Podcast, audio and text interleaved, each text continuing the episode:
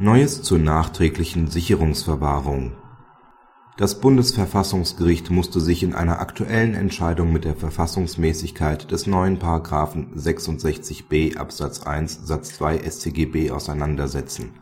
Es hat bei dieser Gelegenheit auch zu den Anforderungen an dessen Anwendung und Auslegung Stellung genommen. Der Beschwerdeführer war wegen Sexualstraftaten an Kindern zu einer Freiheitsstrafe verurteilt worden nach deren Vollzug wurde vom LG die nachträgliche Sicherungsverwahrung angeordnet, wogegen der Beschwerdeführer Revision einlegte. Auf der Grundlage von § 275a Absatz 5 StPO in Verbindung mit § 66b Absatz 1 Satz 2 StGB ordnete das LG sodann einen Unterbringungsbefehl bis zur Rechtskraft des Urteils an. Die dagegen gerichtete Beschwerde zum OLG blieb erfolglos die daraufhin erhobene Verfassungsbeschwerde hatte indes Erfolg. Nach Ansicht des Bundesverfassungsgerichts verstoßen die in § 66b Absatz 1 Satz 2 StGB vorgesehenen erweiterten Möglichkeiten zur Anordnung nachträglicher Sicherungsverwahrung zwar weder gegen das Rückwirkungs noch gegen das Doppelbestrafungsverbot, insoweit knüpft das Bundesverfassungsgericht an seine Ausführungen in NJW 2004 Seite 739 an. § 66b Absatz 1 Satz 2 StGB bewirkt nach Ansicht des Bundesverfassungsgerichts auch keine Durchbrechung der Rechtskraft von Strafurteilen und dient daher auch nicht dazu, frühere Entscheidungen zur Sicherungsverwahrung nachträglich zu Lasten des Angeklagten zu korrigieren.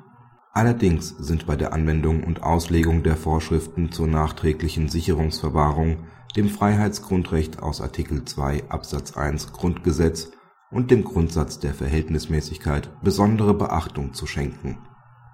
Diesen Anforderungen genügten die angegriffenen Entscheidungen nicht.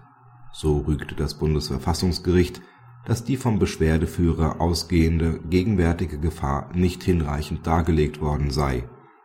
Hierfür sei zwar nicht erforderlich, dass die Begehung neuer erheblicher Straftaten unmittelbar bevorstehen muss ein bloß mittel bis langfristiges Risiko, wie es das LG hier festgestellt hat, reicht jedoch allein nicht aus. Das Bundesverfassungsgericht sah in den Urteilsfeststellungen auch keine tragfähige Grundlage für den Schluss, dass der Beschwerdeführer mit der von § 66b StGB geforderten hohen Wahrscheinlichkeit künftig erhebliche Straftaten begehen wird. Zwar hatte der Gutachter hier weitere sexuelle Übergriffe durch den Beschwerdeführer prognostiziert solche Übergriffe sind jedoch nicht notwendig auch erhebliche Straftaten im Sinne von § 66b StGB, durch die die Opfer seelisch oder körperlich schwer geschädigt werden. Insoweit konnte dem Urteil des LG nur entnommen werden, dass solche schweren Übergriffe nicht auszuschließen sind. Ein solch geringer Wahrscheinlichkeitsgrad genügt jedoch für die Anordnung einer nachträglichen Sicherungsverwahrung nicht. Praxishinweis die Entscheidung ist vor allem deshalb von Interesse, weil sie die verfassungsrechtliche Unbedenklichkeit des umstrittenen neuen § 66b Absatz 1 Satz 2 StGB bestätigt. Zu begrüßen ist, dass das Bundesverfassungsgericht mit seiner Entscheidung gleichzeitig auch deutlich macht, dass an die Anwendung und Auslegung der neuen Vorschriften sowie an die Begründung der Prognoseentscheidung strenge Maßstäbe anzulegen sind nur so kann dem verfassungsrechtlich gebotenen Ausnahmecharakter der nachträglichen Sicherungsverwahrung Rechnung getragen werden.